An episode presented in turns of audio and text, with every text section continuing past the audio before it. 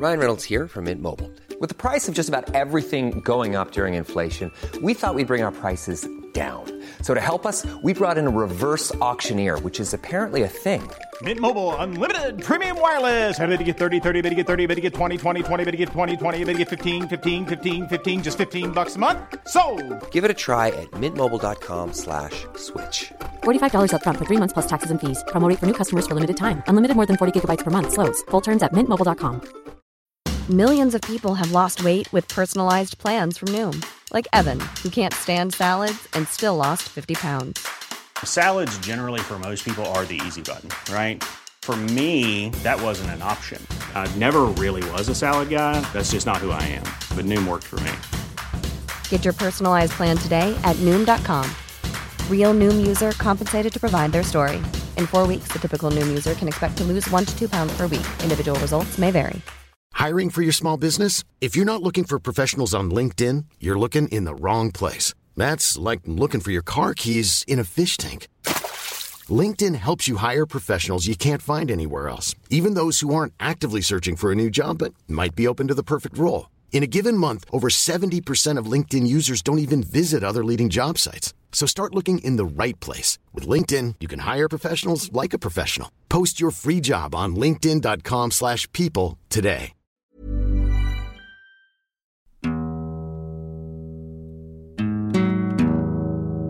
Hei og velkommen til Ordremysterier. Jeg heter Halstein. Jeg Silje. I dag er det 22. mai 2023. Det vil si at det er 24 år siden trippeldrapet på Ordre gård. For det skjedde jo i pinsa i 1999. Så i dag skal vi ha en bonusepisode der vi tar for oss mediedekninga fra 1999 og frem til i år. Drapene ble oppdaga 23. mai og nådde media ganske raskt. På den første pressekonferansen sa politiet at de visste at det var en gårdskonflikt mellom far og sønn, og at de la indirekte mistanke på Per Orderud nesten umiddelbart. Pressen fulgte etter og skrev masse om saken. Ja, allerede der så ser vi en betydelig forskjell på 1999 og 2023, for jeg tror ikke de hadde gått så sterkt ut eh, i 2023. Her hadde de nok sagt at det er for tidlig å si noen opplysninger som helst, mens her går de jo ut på første pressekonferanse og sier at ja, vi vet at det er uoverensstemmelser i familien. I dag ville de sannsynligvis ha sagt ingen kommentar, mens på den tida så gikk de ut med både navn og hva konflikten handla om, og sa at de skulle undersøke det nærmere. Det la jo visse føringer både i folks oppfatning av hva som eventuelt har skjedd, og det ville sannsynligvis også påvirka retten senere, vil jeg tro. Ja, ja, absolutt. De fire dømte i saken, Lars Grunnerød, Kristin Kirkemo, Per Orderud og Veronica Orderud, ble beskrevet som ganske forskjellige personligheter i media. Og media kjente dem jo ikke rent personlig, men folk fikk jo et inntrykk av hvordan de var som personer basert på det media skrev. Per Orderud ble beskrevet som en litt sånn underdanig person som føyde seg etter kona, og ikke hadde så mye sterke meninger sjøl. Advokaten hans, Cato Schjøtz, sa i TV-serien Gåten Orderud at det ikke stemte, men mente at Per ble beskrevet som en dott. Veronica Orderud ble på sin side omtalt som en dominerende, intelligent og sterk kvinne som kom til gården fra byen, og som utnytta styringa på gården, og som hadde manipulert alle sammen. Og så har du Kristin Kirkemo, som var søstera til Veronica, som ble beskrevet som ganske vill og en nakenmodell, at hun drev med rus og kriminalitet, og at hun ikke var til å stole på. Og så har du Lars Grønnerud, som i likhet med Per ble karakterisert som en tøffelhelt, nærmest, som føyde seg til Kristin og gjorde alt hun ba om. Han vært omtalt som en småkriminell med en slags småborgerlig bakgrunn. Ja, altså, det her høres ut som fire personer fra en kriminalroman. Altså, det er så karakterbasert, det de på en måte har stempla de ulike folkene som. Og jeg husker jeg så TV-programmene på NRK, og da sa Ingvar Ambjørtsen, som en krimromanforfatter, blant annet, at han aldri ville ha skrevet Orderud-saken fordi det i seg sjøl er for et sykt persongalleri og for usannsynlig at det kunne ha skjedd, på en måte. Og det bare gir så mye mening når du tenker på hvordan de her er beskrevet. Det høres jo ut som en film, nesten. Forskning.no publiserte i 2012 en fagartikkel om at kristne og Veronica nærmest ble framstilt som femme fatale i media, altså karakterer eller rollefigurer i gamle krimfilmer som var kjent for å lure menn og være dominerende og manipulerende. Man har ikke dekning for å si at sånn var det i virkeligheten, men det var i hvert fall sånn det ble framstilt i media i grove trekk. Og flere personer som kjente Per og Veronica privat, har jo også sagt at Per var litt sta, liksom. Og at han var litt som faren sin. Han sier det sjøl også, at han var veldig sta. Det, ja, det er jo litt sånn stereotypisk, da. At folk bare er sånn Ja, det var hun som lurte han med på det. Og sånn som de sier om Lars, da. Alle sier jo ja, Lars ble med på det fordi han var så forelska i Kristin. Det er jo det til og med retten sier, på en måte. Så kan det være interessant å se på om mediedekninga har endra seg fra 99 fram til i dag. Mm. Da jeg googla det her, fant jeg en bacheloroppgave fra 2015 som så på nettopp det her når det gjaldt Veronica Orderud. Rent konkret handler oppgaven om hvordan hun ble omtalt i 1999 og fram til 2015, da hun ble løslatt fra fengsel. Denne bacheloroppgaven heter 'Fra drapsdømt til kjendis' og er skrevet av Elise Rundevig Andersen. Hun så en eh, merkbar endring i måten media omtalte Veronica på. At hun i starten ble fremstilt som en demoniserende heksefigur, nærmest. I hvert fall følte Veronica det sjøl, men etter hvert har denne omtalen endra karakter og blitt mer positiv, og hun har blitt mer alminneliggjort i media. Og Veronica har sjøl sagt at hun har sagt ja til å bli med på en del sånn koseintervjuer for å endre inntrykket av hun sjøl som person. Og det er jo veldig interessant hvordan media framstiller personer, og hvor lett man påvirka blir av det, liksom. Og Veronica sjøl sier jo også at hun liker ikke at hun på en måte blir omtalt som en kjendis. Altså synes det er spesielt at hun skal bli gjenkjent på gata, at folk skal være sånn Kan jeg ta bilde av deg? Når hun faktisk er dømt for medvirkning til drap. Sånn selv om hun sier at hun ikke har gjort det, så syns hun det er rart. Og det er jo veldig spesielt. Det er ganske spesielt, ja. Og hun sier jo det at det virker som at folk ikke skjønner helt hva hun er kjent for, alltid. Ja. At de ser et kjent fjes, men ikke klarer helt å plassere hva hun faktisk er kjent for. At det er en drapssak. Ja, du skal ikke se bort ifra at en av to eller en av fire av de har blitt spurt om å være med på liksom, Fire stjerners middag. Det hadde ikke forundra meg. I hvert fall jo kanskje nå, liksom, men på starten av 2000-tallet. Nei, og Se og Hør de spurte faktisk Kirkemo-familien om de ville dra til Syden. De tilbød å sponse en ferietur til både Sverre Kirkemo, Kristin Kirkemo og Per og Veronica Orderud. Men uh, selvfølgelig for uh, Per og Veronica så ble det rart. Kristin beskyldte dem for drapsplanlegging, noe de nekta for, så de takka selvfølgelig nei til det tilbudet. Ja, det er veldig rart å se og høre. De dekka jo også bryllupet til Kristin Kirkemo med førstesidesoppslag og tok masse bilder, og det var jo helt uh, syke greier. Kristin kom jo ridende inn på en hest og hadde en stor, hvit brudekjole, og det var et veldig sånn eventyrlig bryllup, egentlig. Men hvis vi går tilbake til mediedekninga av Veronica sent på 90-tallet og tidlig 2000-tallet, da rettssaken gikk, så var det jo flere artikler som ble klagd inn til pressens faglige utvalg fordi de mente at de stred mot presseetiske regler. Du har en artikkel sett for eh, Dødsengel eller eh, Synnøve Solbakken som handla om Veronica som person, og det var negative karakteristikker av Veronica. Og advokaten til Veronica mente jo at det var et portrett av en eh, psykopat. Ikke at Veronica var psykopat, men at det ble framstilt på det viset. Ja. Det ble jo klaga til PFU, og de ble også felt for det. Så det var et voldsomt personfokus da, på alle tiltalte. Og det har jo også vedvart i senere tid, men som vi har vært inne på, fokuset har gått fra å være negativt til at de har blitt mer alminneliggjort, at det har blitt mer koseintervjuer. Eh, og Per, for eksempel, som ble omtalt som en dott og nærmest en eh, tomsing som på en måte ble manipulert eh, av Veronica. Jeg føler det inntrykket man har av han i 2023, er bare at han er en trist mann over at det her har skjedd, på en måte. Hva legger du i det, egentlig? Nei, nei, bare sånn, jeg føler at det inntrykket, altså en intervju sånn, som gjør av han nå, er jo bare at det er en sårbar mann som vil ha rett, på en måte, i det som har skjedd, liksom. Når Per blir intervjua nå til dags, så handler det jo stort sett om gjenopptakelsesbegjæringa, og at han mener seg utsatt for en urett. Ja, og i tillegg så er jo faktisk ikke Per og Veronica et par lenger. altså Det kan jo også ha noe med inntrykk å gjøre, at han ikke lenger blir manipulert av Veronica. Da kan man jo tenke sånn hm, gjør han det kanskje av fri vilje, på en måte?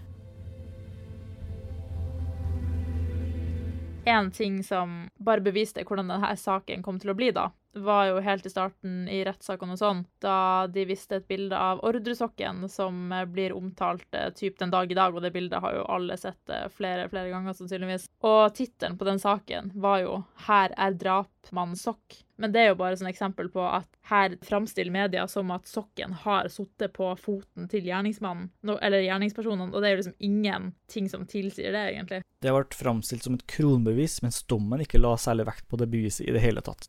Men når det gjelder eksempelet med sokken, så var det faktisk politiet som var interessert i at eh, media skulle gå ut med bilde av sokken, for at eventuelle vitner skulle ta kontakt og si at jo da, jeg vet hvor den sokken kommer fra, og jeg vet hvem som har strikket den, og hvem som har eid den. Ja, ja. Det kom inn noen tips, men ingen av tipsene ble ansett som spesielt relevant for å oppklare det mysteriet. Nei, og spørsmålet det kunne jo vært sånn, har du sett denne sokken før? Ikke, dette er drapmannens sokk, liksom. Det er jo veldig en ting å claim når det ikke stemmer. Veldig tabloid framstilling.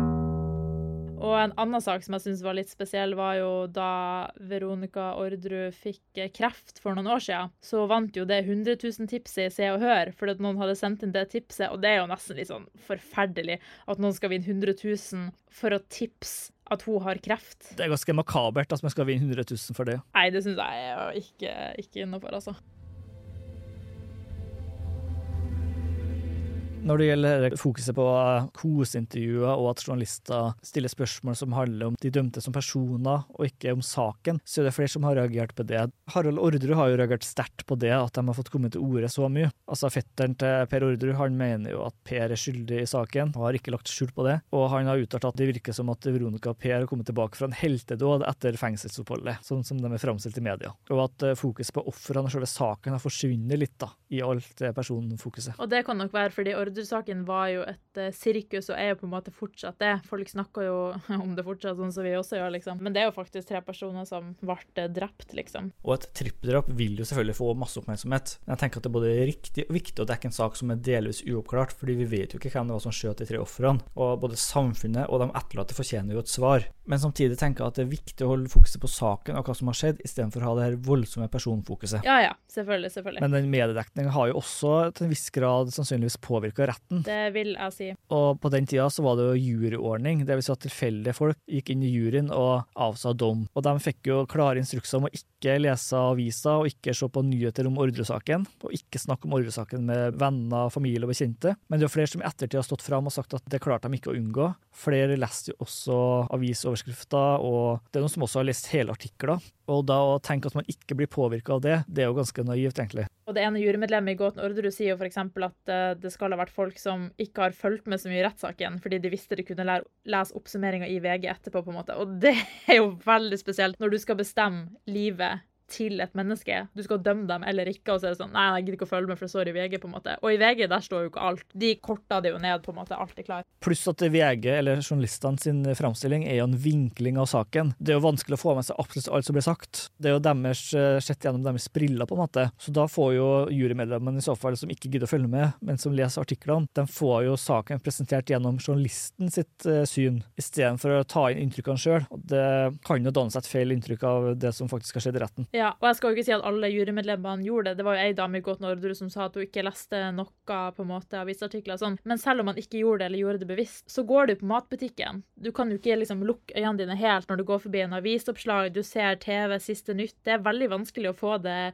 ikke få det med. Så da måtte de jo nesten ha blitt liksom lost inne på et hotell på en måte uten tilgang til media. Jeg tenker det, det er jo greit nok at de ser avisoverskrifter på butikken og bare går kjapt videre, for det er helt umulig å unngå, egentlig, som du sier. Men eh, det som er kritikkverdig, det er jo dem som har innrømmet at de leste artikler bevisst da, og ikke fulgt med. For de har jo et stort ansvar som hviler på skuldrene deres, at de skal avgjøre skjebnen til fire personer. Da bør man ta den oppgaven seriøst. Jeg tenker kanskje at det her er et eksempel på en av grunnene til hvorfor juryordninga ble avvikla, for den finnes jo ikke i dag. Nå har vi i hvert fall en ordning som dreier seg om at du har noen fagdommere som er fast, og så hentes det inn noen jurymedlemmer, så du får en blanding av fagdommere og vanlige folk som dømmer. Og Det er sikkert både fordeler og ulemper med det i forhold til den juryordninga som var før, men det er jo det at folk kan bli påvirka, og at det var tilfeldigheter som avgjorde hva de dømte, det kunne jo være en negativ ting med juryordninga. Du hadde jo også et jurymedlem som visstnok skal ha sagt, ifølge et annet jurymedlem, at uh, Kristin var så sprek at hun ikke kunne ha gjennomført drapene eller vært med på drapene. Og det er jo ganske et useriøst punkt å legge til grunn da, for at en person skal være skyldig eller uskyldig. Ja.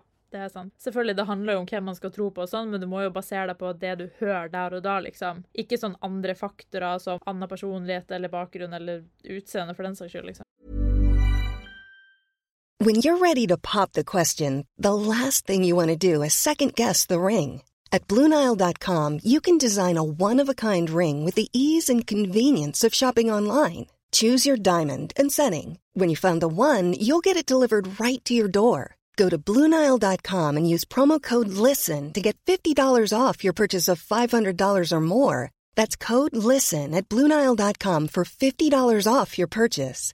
Bluenile.com code LISTEN. Hey, I'm Ryan Reynolds. At Mint Mobile, we like to do the opposite of what Big Wireless does. They charge you a lot, we charge you a little. So naturally, when they announced they'd be raising their prices due to inflation, we decided to deflate our prices due to not hating you. That's right. We're cutting the price of Mint Unlimited from $30 a month to just $15 a month. Give it a try at mintmobile.com slash switch. $45 upfront for three months plus taxes and fees. Promo for new customers for limited time. Unlimited more than 40 gigabytes per month. Slows. Full terms at mintmobile.com.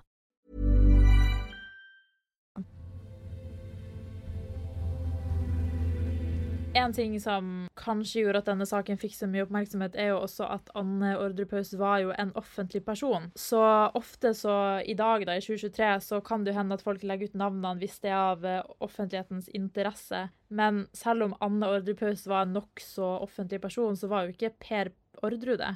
Eller familiemedlemmene. Men de gikk jo kjapt ut og sa at det er broren som heter Per Orderud. De kunne jo på en måte holdt med broren. Da så var det jo mye vanskeligere, så de kunne jo anonymisert han og kalt han for et familiemedlem, f.eks., helt i starten. Da han ble sikta, så jo, visste jo hele Norge hvem han var, egentlig. I dag så er det jo mer sånn, hvis folk, spesielt hvis folk bare er, liksom, er mistenkt eller sikta, så går de jo sjelden ut med navn med en gang. Det tar ganske lang tid, og det skal mye til for at de faktisk gjør det. Mens her var det jo med en gang. Det virka ikke som de hadde en samtale på det engang. Det var bare sånn Kjør, her er Per Orderud, Kristin Kirkemo, Lars Grønrød og alle disse folkene. De trengte jo i hvert fall ikke å være nevnt da. Kona til broren, liksom. Halvsøstera til broren til ikke sant? Det er så mye persongalleri som ikke hadde trengt å vært gjort offentlig. Ja, og vitner ble også navngitt. Ja, det syns jeg er veldig spesielt.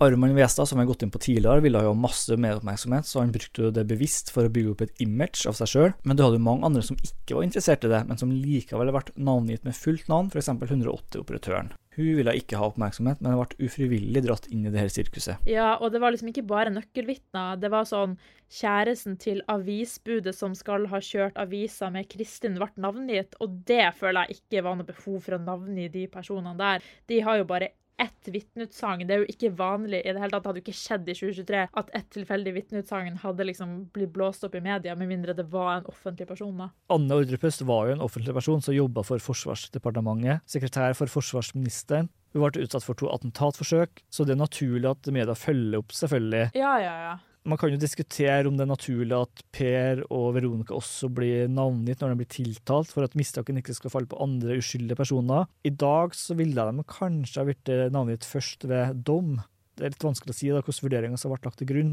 Ja. Og Så har det også søstera til Veronica, Synnøve Kirkemo, som eh, så seg nødt til å bytte etternavn, for hun slet med å få jobber og diverse. Ja, og hun har jo bare vært med som vitne på enkelttilfeller, og er jo ikke knytta til eh, drapet på noe som helst eh, vis, på en måte. Men likevel så får ikke hun jobb, og det beviser jo bare hvor viktig det er med litt personvern. Og når vi er inne på temaet her, så kan vi også nevne at Veronica Order har sagt at hun søkte på noe sånt som 400 jobber før hun til slutt landa en jobb. Så det viser at saken er veldig belasta, ikke bare for dem som er dømt, men også for folk i omgangskretsen rundt. Ja, og jeg skjønner jo at eh, hvis man har sittet i fengsel, f.eks., selv om man har fått utdanning, så ser jo ikke det helt heldig ut på CV-en. Men jeg regner med at hun spesielt kanskje fikk det litt vanskelig pga. navnet tilsier eh, det meste, liksom. Og det er jo en del som heter Orderud til etternavn, som ikke er i slekt med de her også. Som jeg tenker at De kan jo også blitt påvirka. Jeg vil jo tro at mange spør de sånn Er du i slekt med Per og Veronica, på en måte? Og hele poenget med at når man er ferdig i fengsel, er jo at man skal være ferdigdømt. Da skal man gå tilbake til samfunnet. Og så setter jeg så stopper for folk. Og jeg tror det er ofte lett at folk kanskje havner tilbake i kriminelle miljøer fordi at de sliter med å få seg jobb, og da tenker de OK, men jeg fikk i hvert fall inntekt når jeg drev med narkotika eller satt i fengsel, på en måte. Det er jo mange som eh, går inn og ut av fengsel. De havner i fengsel for f.eks. narkotikaforbrytelser. og Så soner de, og så kommer de ut igjen, men så mangler det et støtteapparat som tar vare på dem. Så de får seg ikke jobb, og de mangler kontakter og venner. Og så er det det lett å falle tilbake i det gamle nettverket pga. det. Ja. Og så havner de tilbake i fengsel, og så blir det en ond sirkel. da. Og det har jo også Veronica snakka om i en YouTube-video. Det er bare å søke opp på YouTube. 'Livet etter soning Veronica Orderud'. Og da går jeg ganske grundig inn på det vi snakka om nå, om at folk kommer ut av fengselsportene, men så havner de tilbake i det gamle miljøet fordi at det mangler en oppfølging fra samfunnet. Og folk får på en måte ikke en ny sjanse til å leve et bedre liv. Og det er jo kjempesynd. Som vi har snakka om, så er det sånn at når du har sona en dom, så har du på en måte gjort opp for det du er dømt for, og du skal bli gitt en ny sjanse og en ny start i livet, men sånn fungerer det ikke i virkeligheten. For arbeidsgivere ser jo at du har hull i CV-en, og at du har vært i fengsel, og da blir veien ekstra lang tilbake. Det blir den. Og hele fengselgreia handler om rehabilitering. Og hvis noen har uh, fått seg en utdanning f.eks. i fengsel, det er jo en like relevant utdanning som ellers å dra på et universitet, eller de har fått jobberfaring, så har jo det ingenting å si hvis ikke noen vil ansette de. Og det her snakka jo også Arman Westad om i boka si 'Pistolmannen som kom inn i varmen'. Han snakka også en del om det av hvordan man kan få erfaring fra folk som har vært eh, i det kriminelle miljøet, og han klarte jo det. Han klarte jo å komme seg videre. Han fikk jo hjelp, da, han som leverte våpnene til eh, Kristin Skikkemo. Han ble økonomisk rådgiver i Nav, og tok med seg kompetansen han erverva i det kriminelle miljøet, inn i en sånn profesjonell arbeidssetting, der han hjalp andre folk med gjeldsproblemer, ut ifra hans erfaringer om gjeldsproblematikk. Og i tillegg til at folk eh, har tatt utdanning i fengsel eller fått jobberfaring, så er jo faktisk ofte kriminelle miljøer, spesielt sånne store, er jo litt som en slags arbeidsplass, på en måte. Man har jo ulike stillinger og sånne ting, da. Det er ofte et hierarki da, mellom ulike Ja. folk med ulike status. Det er noen som er på toppen, noen som selger narkotika, og så har du dem som er lenger ned, som bruker dop, da, på en måte. Hvis dere likte podkasten vår, husk å dele den med andre, og vurdere den på Spotify. Og gjerne med fem stjerner. Ja, det har vært veldig hyggelig. Vi blir veldig glad av å se tilbakemeldingene deres. Følg oss også på Instagram og på TikTok, og der heter vi for Ordremysterier. Og så har vi også en YouTube-kanal der vi legger ut supplerende videoer hver måned. Takk for nå, og ha en fin dag videre. Ha det bra! Ha det bra.